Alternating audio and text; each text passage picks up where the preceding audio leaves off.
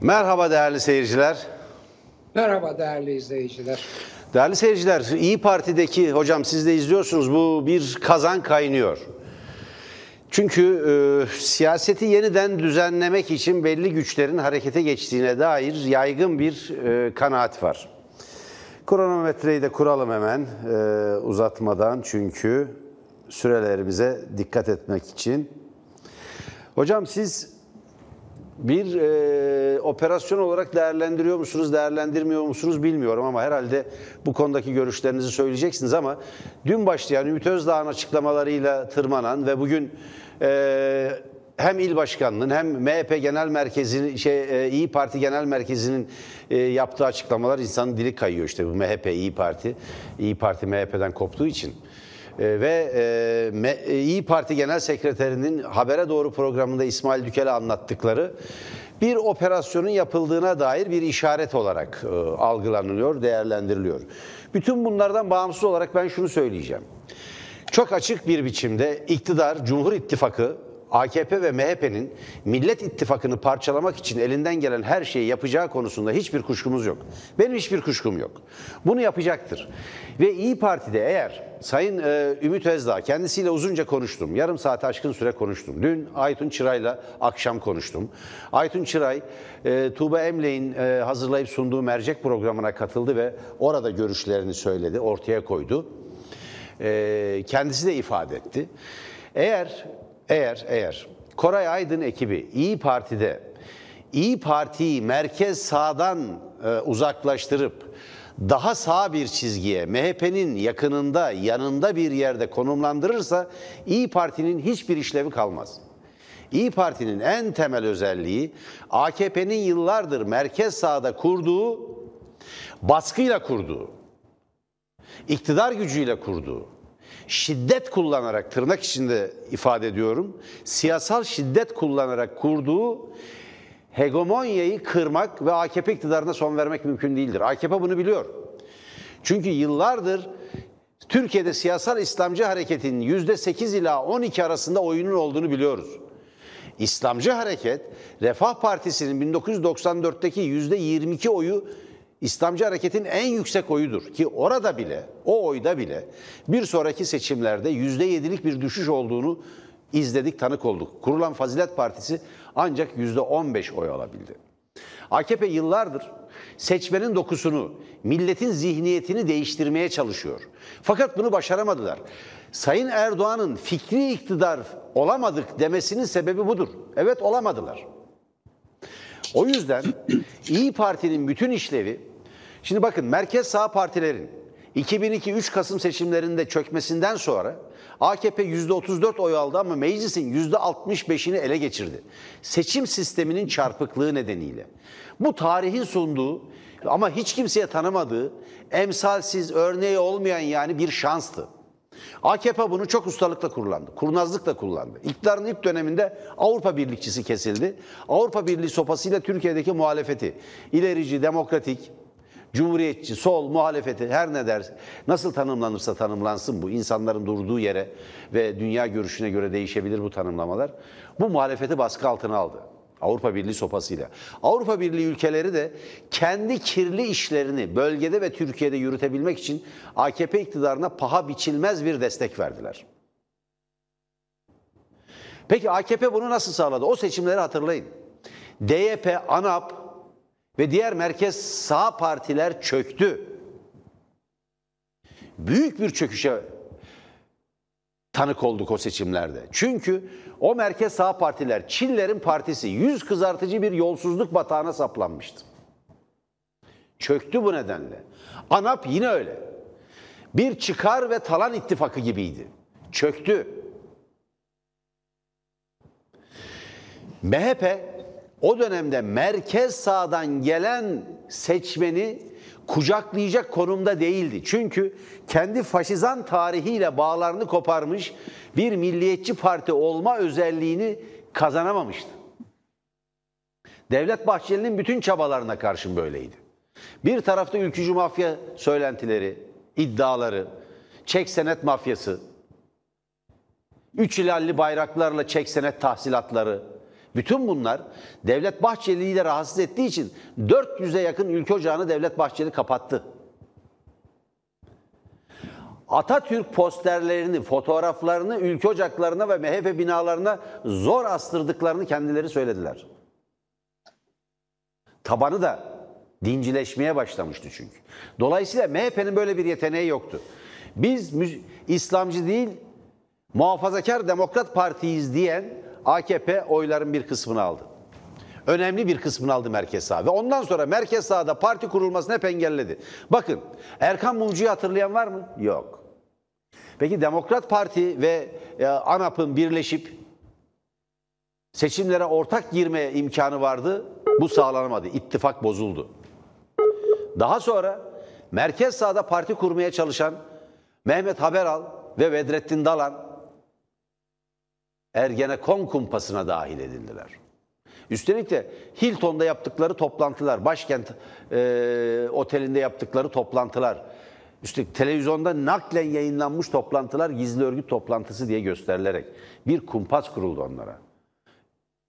Demokrat Parti Süleyman Soylu bakanlık ihbaliyle transfer edildi. Has Parti Numan Kurtulmuş yine bir bakanlık ve parti yöneticiliğiyle ih, ne yapıldı? Transfer edildi. Yani ne görüyoruz? Satın aldılar. Erkan Mumcu konusunda bu konuda ciddi söylenti var, ciddi iddialar var. Veya tutukladılar Mehmet Haberal gibi. Demirel'in desteğinde bir merkez sağ parti kurma ihtimalleri vardı Dalan'la beraber. Böyle bir çabaları vardı. Veyahut transfer ettiler ve iktidardan pay verdiler. Süleyman Soylu ve diğerleri gibi. Değerli seyirciler, bu bakımdan merkez sağdaki AKP kontrolü yani Cumhuriyetçi, Cumhuriyetin değerleriyle, kazanımıyla, kazanımlarıyla, demokrasiyle sorunları olmayan, Türkiye'nin bir Suudi Arabistan veya bir Taliban Afganistan olmasını istemeyen bir merkez sağ seçmen vardır. Bunu biliriz. Ramazan'da orucunu da tutar, Cuma'ya da gider, eşinin kızının başı açıktır, arada bir iki kadeh içer. Sosyal içicidir mesela, bilinir. Yani toplantıda, bir e, düğünde, dernekte, arkadaş toplantısında. Ortalama Türk tipi budur. AKP buraya müdahale etti ve bu alanı kapsadı. İyi Parti işte uzunca bir süre 15-16 yıldır AKP'nin merkez sağ havzada kurduğu hakimiyeti sarstı. İyi Parti'nin kimliğini buradan çıkarır. Yeniden radikal milliyetçi bir çizgiye doğru taşırsak AKP'nin ekmeğine, AKP'nin ekmeğine yağ sürer, değirmenine su taşımış oluruz Türkiye'de. O bakımdan İyi Parti üzerinden yürütülecek tartışmalar önemlidir. Ben Sayın Meral Akşener'in çok ciddi, çok dikkatli ve çok kararlı olduğunu görüyorum. Kendisini kutluyorum. Ben AKP'li olacağım ama TKP'li olurum dedi. Bundan daha esaslı bir cevap olamazdı. Çünkü çok çarpıcı cevaplar veriyor. Ee, bir kısım seyircimiz ya bu söz ya TKP'yi e, rencide eder. Yani onu kötü aşağılayıcı bir ifade kullandı diyor. Hayır ben o konuda değilim. TKP AKP'den daha iyidir dedi. Yani bu ciddi bir laftır, önemli bir laftır. Yani daha önceki başıma silah dayasanız ben Millet İttifakı'ndan çıkmam sözüyle birlikte değerlendirilmelidir. O bakımdan ben e, gelişmeleri böyle değerlendiriyorum hocam. Buyurun. E, görüntüde ve... E, bir sorun ses... yok hocam görüntüde. Hiç oynamanıza evet. gerek yok. Baş boşluğunuzu biraz alırsanız... Tamam. Hayır demin demin tamamen kesildi çünkü bağlantı. Arkadaşlar yeniden kurdular hocam. Buyurun devam edin. Şimdi esas olarak tabii bütün mesele O yüzden uz- bağlantı kesildiği için biraz uzattım hocam. Çok iyi ettiniz. E, gayet de iyi konuşuyordunuz. Daha da uzun konuşabilirdiniz. Bence hiçbir sakıncası yok. Buyurun. Şimdi e, Allah oradaki arkadaşların yardımcısı olsun. Çünkü e, garip garip kesintiler olmaya başladı yine e, tam bu dönemde. Üstelik de tam e, İyi Parti üzerindeki operasyonu konuşurken. Bu tamamen bir operasyon. Yani ben oradaki e, e, deyimi bilerek sizin kullandığınızı düşünüyorum ve ona hak veriyorum. Bu, bu e, iktidar tarafından ve iktidarın bürokrasideki uzantıları tarafından ki bu uzantılar içinde e, bütün bütün e, istihbarat örgütleri var, güvenlik güçleri var, e, bir, tamamen denetimi aldıkları yargı var. Yani bundan sonra e, herhalde İyi Parti üzerinde yapılan bu operasyonun, oynanan oyunların bütün buralardan gelen e, baskılara ve e, yönlendirmelere e, nasıl konu olduğunu hepimiz göreceğiz. Bu bir operasyon. Bu operasyon hangi operasyon? Ben size söyleyeyim. Bu operasyon aynen dinciliği, milli, e, dinciliği siyasette kullanmanın yanlışı gibi milliyetçiliği de yozlaştırarak siyasette kullanmanın yani hem dinciliği hem milliyetçiliği baskıya daha ileri taşıyarak hatta faşizme, totalitarizme e, alet etmenin yöntemleridir bunlar. Çok yanlış, çok yanlış. Türkiye'de artık sonuç vermesi de aslında gayet güç olan iktidarın bu başarısızlıklarından dolayı bir takım yöntemlerdir. Şimdi ben bu noktaya nasıl geldiğimizi e, çok kısa, çok kısa e, anımsatarak e, bu tehlikeye işaret etmek istiyorum. Bugün biliyorsunuz e, çok değerli sevgili kardeşim, arkadaşım e, birlikte e, Hacettepe'de görev yaptığımız Ahmet Taner Kışlalı'nın ölüm e, yıl dönümüydü. Şimdi bugünlere işte cinayetlerle geldi. Saygıyla, rahmetle anıyoruz. Efendim? Kendisini saygıyla anıyoruz hocam. Evet, Bugün Zeynel çok- Lüle programında genişçe yer verdi. Öyle konuştuk, öyle kararlaştırdık. Ayrıntılı bir şekilde e, yer verdik. Anısı üzerinde saygıyla eğiliyoruz. Evet, Tele1 çok güzel programlar yaptı. Tebrik ediyorum. Ben de dikkatle izledim. Zeynel'in özellikle kızıyla yaptığı konuşma fevkalade iyiydi. Onun e, üç tane kızı var. Allah bağışlasın filan. Neyse yani şimdi onlar kişisel şeyler. Benim de çok çok yakınımdı. Ee, neyse. Şimdi söylemek istediğim şey şu. Ee, Ahmet Taner Kışlalı'nın katledilmesi, faşistlerce katledilmesi e, çok önemli bir adımdır. Nerede çok önemli bir adımdır? Türkiye'yi bugünlere taşıyan yani dinin, dinin ve milliyetçiliğin baskı aracı olarak kullanılan ideolojiler haline gelmesinde uluslararası komploların, emperyalizmin, komşu ülkelerin, Batı emperyalizminin, Arap emperyalizminin Türkiye'de örgütlenmiş olan katil dincilerin ve katil ırkçıların yani bu ırkçılık hem Türk ırkçılığı olur hem e, Kürt ırkçılığı olur. Her kim ki ırkçılığını cinayet için kullanıyordur o katildir. Irkçılığın milliyeti yok. Irkçı ırkçıdır evet hocam. Evet, faşizme hizmet eder. Tekrar ediyorum, Ahmet Taner Kışlalı'nın öldürülmesi emperyalizmin, Batı emperyalizminin, Arap emperyalizminin, komşu ülkelerin ve Türkiye'de örgütlenmiş olan dinci ve ırkçı katillerin bir adımıdır. Türkiye'yi Türkiye'yi bu noktaya onlar taşıdı. Çok kısa birkaç isim hatırlatacağım. Önce bu cinayet dalgası 70'lerin sonunda başlayıp 80'lere darbeye getirdi Türkiye'yi. Orada işte Bedrettin Cömert öldürüldü. Cavit Orhan Tütengil öldürüldü. Abdi İpekçi öldürüldü. Canlarımız, ciğerlerimiz gitti. Hatta Bedrettin Cömert öldürüldü de ya Emre Kongar'ı öldüreceklerdi. Ne bu yanlışlık olmuş diye etrafta şey dolaştı. Haberler dolaştı. Şimdi derken 80 darbesi geldi. Cemaati soktu devreye. Anayasaya da zorunlu din derslerini soktu ve 10 yıl cinayetler durdu. Çünkü bir aşama açmıştı Türkiye dine, dine, dinci yönetime doğru. Derken derken hava değişti. 91'de Muammer Aksoy'un öldürülmesiyle yeni bir dalga başladı. Ve işte Ahmet Taner Kışlalı ve ondan sonra Necip Hablevitoğlu ve arada tabii Bahriye Üçoklar çok değerli insanların Uğur Mumcu'nun özellikle öldürülmeleri o dönemdeki katillerin işledikleri cinayetlerle Türkiye'ye emperyalizmin, Batı Arap emperyalizminin ve komşularının yaptıkları saldırıların ve iktidarın gözleri önünde örgütlenmiş olan cinayet, katil örgütlerinin eserleridir. Şimdi dolayısıyla bunları unutmayacağız. Bunları unutmayacağız. Milliyetçilik ve ve dinde Saadet Partisi gibi dini demokrasi için demokrasi adına kullanan İyi Parti gibi milliyetçiliği demokrasi adına, eşitlik adına kullanan partilerin üzerinde oynanan oyunlara bu açıdan bakacağız ve o oyunları bozacağız. Demokrasi adına, eşitlik adına, özgürlük adına bozacağız o oyunları. Ben İyi Parti'nin çok sağlam duracağına inanıyorum. Çünkü arkamızda işte 70'ten bugüne gelen cinayetler, ölümler, saldırılar var.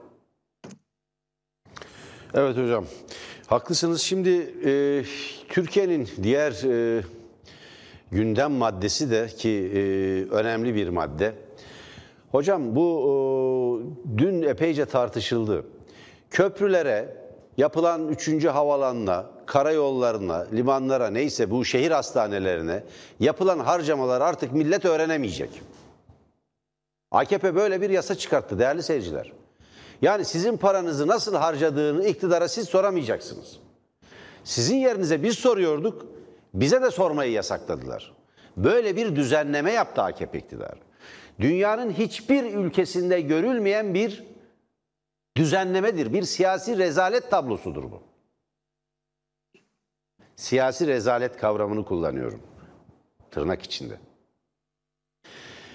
Eğer bir ülkede vatandaşlar paralarının nereye, vergilerinin nereye harcandığını, bütçenin nasıl yapıldığını sorma hakkına sahip değillerse orada parlamentolu, meclisli, bırakın hukuk devleti olmayı, demokrasi ve demokratik ilkelerle yönetilen bir ülke olmayı, parlamentolu, meclisli bir devlet bile artık yok demektir.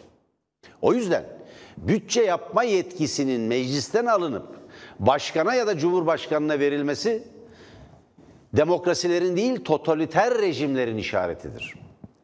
Bunlardan bir tanesinin de gerekçesi yani ben üçüncü köprüye ne kadar para harcandığını, kaç araç geçtiğini, cebimizden kaç para geç çıktığını soramayacakmışım artık. Böyle bir şey olabilir mi ya? Ben bu milletin bu milletin en kısa sürede demokratik bir biçimde ilk seçimde bu hesabı soracağına inanıyorum. İnsanların cebinde ekmek parası yok. Korona korona krizi, korona salgını bir felakete dönüşmek üzere. Bir fırtına gibi. Ülkenin üzerinde korona, korona esiyor. İnsanlar kaderlerine terk edilmiş durumda neredeyse. Neyle nasıl mücadele edeceklerini bilmiyorlar. Bakın Rahmi Koç'un bile korona olduğu bir ülkede yaşıyoruz. Türkiye'nin en önemli iş insanlarından biridir. Önlem almak, toplumu korumak, yönlendirmek iktidarların, devletin işidir. Ve onu yöneten iktidarların işidir. Şimdi biz kendi olanaklarımızda hocam siz de biliyorsunuz çok ciddi tedbirler alıyoruz. Ve arkadaşlarımızı test yaptırıyoruz. Anlaştığımız sağlık kuruluşlarıyla. Can Ataklı arkadaşımızın testi pozitif çıktı. Sosyal medyadan duyurduk. Kendisine buradan çok geçmiş olsun diyorum. Bugün birkaç kez konuştum kendisiyle. Maalesef böyle fakat kendisi çok iyi, sağlığı çok yerinde. En kısa sürede atlatacağından eminiz. Buna inanıyoruz. Ama bu kadar ciddi önlemler almamıza karşın ki kendi olanaklarımızla arkadaşlarımızı test, testini yaptırdık. Kendi olanaklarımızla. Anlaştık. Bir sağlık kuruluşuyla. indirimler yaptırdık sağ olsunlar. Çok teşekkür ediyoruz kendilerine. Ve test yaptırdık. Yani mutlulukla söyleyebilirim ki pozitif vaka sayısı son derece az. Son derece az. Başından beri aldığımız önlemler hepsi birkaç kişi. O arkadaşlarımız da gerekli tedavi süreçlerine girdiler. Kısa bir süre sonra, beş günlük süre sonra bir kez daha yaptıracağız. Şimdi Tele1'in yaptığını, kıt kaynaklarıyla, sınırlı olanaklarıyla Tele1'in yaptığını bir ülke, bir devlet nasıl yapamaz? Vatandaşlarına bunu nasıl yapamaz? Yapamadılar. Ama bunun yerine halkın vergilerinin nereye harcandığını, kimlere verildiğini, kimlerin zenginleştirildiğini, hortumun kimlere bağlandığını sormayı yasakladılar. Bağladılar mı, bağlamadılar mı bilmiyoruz. Nereye harcandı bilmiyoruz. Sormak istiyoruz ama. Bunların hepsi birer iddia evet. Ama sormak istiyoruz. Niye yasaklıyorsunuz? Kendinize güveniyorsanız. Hocam kendisine güvenen bir iktidar bunları yasaklar mı Allah aşkına? Yani eğer yaptığı harcamadan eminse, şimdi beşli çete var, beşli çete diye biliniyor, beş tane firma. Bütün ihaleler onlar alıyor. Bir de onlara vergi muafiyeti çıkartılıyor. Vergi afları çıkartılıyor özel. İptal ediliyor. Önden ödeme yapılıyor. Bir de daha geçmemiş para, aracın parası ödeniyor bazılarına. Tünelden, köprüden vesaireden. Ve bunlar birer beton. Üretim yapmıyor. Gelir sağlamıyor. Tam tersine ülkenin geleceğini batırmış durumda. Şimdi bakın bazı hesaplar var. Eğer bu harcamalar yapılmasaydı, betona gömülmeseydi, Türkiye Cumhuriyeti kimliği taşıyan her kişiye 40'ar bin lira bir yılda para verilebilirdi. Rakama bakar mısınız? Buyurun hocam. Evet, şu tabii e, eğer siz e, aklı hür, vicdanı hür, fikri hür e, nesiller yetiştirmek yerine kindar ve dindar bir nesil yetiştirmeye hedeflerseniz ondan sonra oturursunuz. Biz e, kültürde ve eğitimde başarılı olamadık dersiniz ve yaptığınız bütün ihaleleri de saklarsınız. Çünkü o ihalelerde devletin, milletin, halkın menfaatleri değil, ihale verilen şirketlerin ve o şirketlere o ihaleleri verenlerin menfaatleri düşünülmüş gibi görünüyor en azından. Bakıldığında aynı şey şehir hastaneleri için söz konusu. Bir şehir hastanesinin maliyetiyle bilmem kaç tane hastanenin yapılabileceği bir şehir hastanesine ödenen parayla bütün kapanan hastanelerin Ankara'da ve İstanbul'da e, çok daha mükemmel bir biçimde işletilebileceği görünüyor. Ve yapılan harcamaların birden çok daha fazla hastanenin baştan sona yeniden inşa edilmesi ve donatılması için ve mesela bir hastane fiyatına 8 tane filan hastaneyi yapmak mümkün deniyor. Şimdi bu ben başka bir şey hatırlatacağım. İhale yasası AKP iktidara geleli beri kaç defa değiştirildi? Kaç maddesi değiştirildi? 160'tan fazla değişiklik yapıldığını ben en son 64 kez değiştirildi. 164 kez hocam benim bildiğim. Ya ben işte en son ben 164 kezde kaldım. Fakat o 164 Zannediyorum madde... birkaç kere daha değişmiş olabilir evet. evet. Daha sonra tekrar değişiklik yapıldı. En sonunda baktılar işin altından kalkamıyorlar. Ne yaparlarsa yapsınlar, ne yaparlarsa yapsınlar saklayamıyorlar, yasaklandı. Şimdi aynı aynı skandal, aynı skandal TÜİK rakamlarında, TÜİK sayılarında ortaya, oranlarında ortaya çıkıyor. Aslında sayıya rakam deniyor. O çok doğru bir şey değil. Rakam sıfırla dokuz arası olana denir. Onlar bir araya gelince sayı olur. Bu harfle kelime gibi bir şey. Rakam harf gibidir, sayı da kelime gibidir.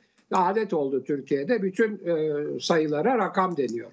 Neyse TÜİK'in açıkladığı sayılar ve oranlar ne yaparlarsa yapsınlar TÜİK'in aynı hesaplamasını kullananlara göre bile yanlış.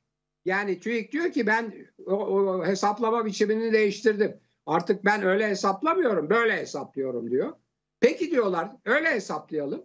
O hesaplamayla gidiyorlar piyasalara, reklam şeylere, e, marketlere filan, bakkallara, çakkallara neyse e, zerzevatçılara bakıyorlar ve o TÜİK'in açıkladığı rakamdan çok daha yüksek. Yüzde elli filan en azından daha yüksek sayılar çıkıyor, oranlar çıkıyor.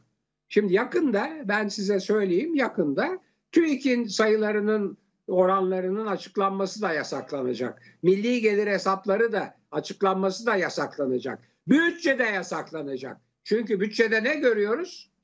Sayın Cumhurbaşkanı'na yapılan zammın sadece o zamdan doğan artışın üç tane üç tane üç tane en düşük gelire denk geldiğini görüyoruz. Altı küsur bin lira asgari ücrete en düşük gelire denk geliyor. Üç tanesinin asgari ücreti ki ki bütün OECD e, istatistikleri gösteriyor ki başka ülkelerde asgari ücret hakikaten asgari ücrettir ve azdır.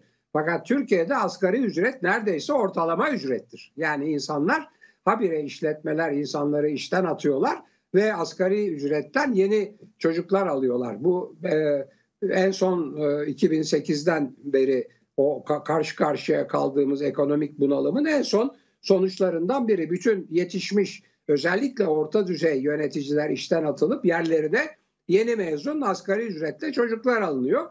Ondan sonra tabii işlerin hiçbiri yürümüyor. Dolayısıyla bu yapılan bakınız haberlere sansür getiriyorlar. Habire mahkeme kararlarıyla haberler yasaklanıyor. Haberlerin yasaklanmasına da yasak getiriyorlar. O haberin yasaklandığını da söyleyemiyorsunuz. Böylece müthiş bir sansür. Medyada, televizyonlarda ve gazetelerde. Şimdi o sansür sosyal medyaya yansıdı. Derken şimdi ihaleleri, fiyatları, oranları soramayacaksınız, söylemeyecekler. Ötesini de ben ekliyorum. Bundan sonra artık milli gelir hesapları, bütçe e, önerileri ve bütçe kabulleri de herhalde söylenemeyecek. Çünkü biliyorsunuz bir başka adım Sayıştay raporları da sorgulanamıyor. Evet, böyle bir skandal. Şimdi e, koronavirüs e, ciddi bir biçimde Türkiye'nin canını yakmaya devam ediyor. Biraz önce söylediğim gibi. Hocam bu arada ben konuşurken siz baş boşluğunuzu daraltabilirsiniz. Duyuyor musunuz beni? Tamam. Heh. Duydum. O arada, Siz oyn- siz o arada ay- ayarlayın. İyi olur. Tamam. Ee, eşitleriz, görüntüleri eşitleriz. Oynamadınız Şimdi Diyanet. Diyanet Evet. bir açıklama yapmış. Değerli seyirciler. Diyanet açıklamasında başlı başına da bir kitapçık yayınlanmış. Neymiş? Türkiye'de koronavirüs salgınının yayılma nedeni şey değilmiş. Umre seyahati değilmiş. Yahu bütün bilimsel araştırmalar bunu gösteriyor Allah aşkına. Rize'nin bir beldesi köyleriyle birlikte karantinaya alındı ve umreciler yüzünden. Ben tanığım. Polise, polisle beraber sağlıkçılar fazla oldu hocam. Fazla oldu. Biraz açın. Fazla oldu. Polislerle birlikte Umre'den dönenleri Kadıköy sokaklarında polisin aradığını biliyorum. Ben tanıyım olayı. Şimdi bunu saklamaya, gizlemeye gerek yok. Ayasofya Camii'nin açılışında da hiçbir önlem doğru düzgün önlem alınmadan ya da alınan önlemleri insanların tanımayacağı ve ihlal edeceği biline biline 200-300 bin kişiyi Sultanahmet Meydanı'nda da toplamak Türkiye'de koronavirüsün ikinci bir dalgayla yükseleceğini gösteren en önemli işaretti. Bunu uyardık biz. Üstelik de Ayasofya'nın açılışını Cumhuriyet'le bir hesaplaşmaya çevirip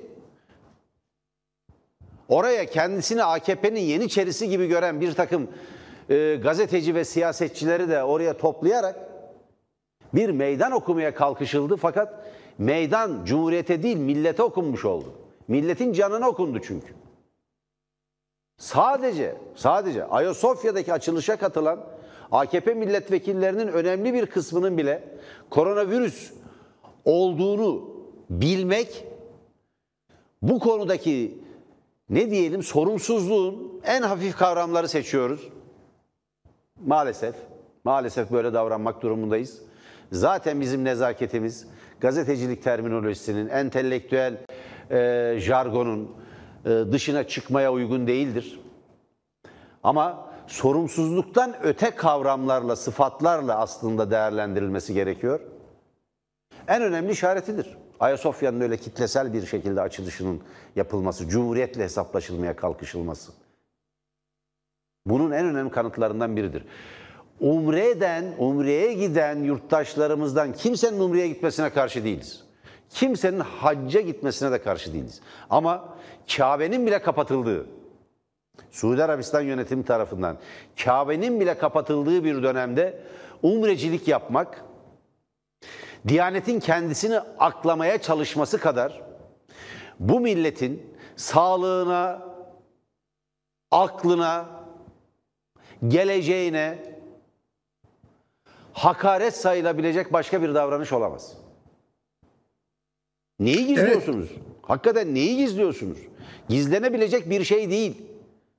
Sorun burada umreye gitmek değil. Sizin aklı ve bilimi bir kenara bırakarak bir umre turu düzenlemeniz ve gelenlerin karantinaya bile alınmasını engelleyerek Türkiye'ye salmanızdır. Yayılımın en önemli nedeni bu. Türk Tabipler Birliği'nin bu konuda yaptığı çalışma açık. Hayır şimdi yani lafınızı kesmiş olmayayım, sözünüzü kesmiş olmayayım ama sanki o dönemleri biz Mars'ta yaşamıyorduk ya, Ay'da yaşamıyorduk. O dönemleri birebir yaşadık. Umre'den gelenler İstanbul merkezli olarak bütün Türkiye'ye yayıldılar. Koronavirüs patladı bütün Türkiye'de. Bu o sıradaki bütün verilerin gösterdiği bir şey ve her yerde bu konuşuldu. Yani iktidar medyası da bunu söyledi. Bütün çünkü bu bir gerçekti. Umre'den döndüler. Havaalanlarından bütün Türkiye'ye gittiler. Bir de arkadan gittikleri yerde Hacı Baba geldi diye haçtan geldi hacı oldu diye misafir kabul ettiler, öpüştüler, el öptürdüler. Bunların fotoğrafları yayınlandı gazetelerde, şeylerde, e, televizyonlarda mülakatlar yapıldı. Ayasofya'yı açıyorsunuz. Üstelik de Mustafa Kemal Atatürk'e lanet okutarak açıyorsunuz. Ayasofya'yı. Diyanet İşleri Başkanı hakkında herhangi bir soruşturma bile açılabilmiş değil. Açılmış değil. Diyanet İşleri Başkanı açık bir biçimde tasih etmiş değil. Bir düzeltme yapmış değil. Bir tür geçiştirdiler. Bir karambole getirdiler. Böyle bir hesaplaşma uğruna Cumhuriyete karşı nasıl büyük bir kim varmış Allah aşkına? Bunu anlamak mümkün değil. Ve ondan sonra da biz kimiz videoları hazırlıyorlar. Ha, evet o, o da bir ayrı alem. Başka bir şey söyleyelim. Başka bir şey söyleyelim. Orada biz kimiz dendiği zaman isimleri koyuyorlar ya arka arkaya. İşte Aliye İzzet Begoviç vesaire filan yani. Onlar o dönemde hapisteymiş. Biz onlarmışız. Hayır efendim. Aliye İzzet Begoviç'i biliriz doğru. Ama Aliye İzzet Begoviç emperyalizmin hizmetinde Yugoslavya'nın bölünmesine katkıda bulunan isimlerden biridir.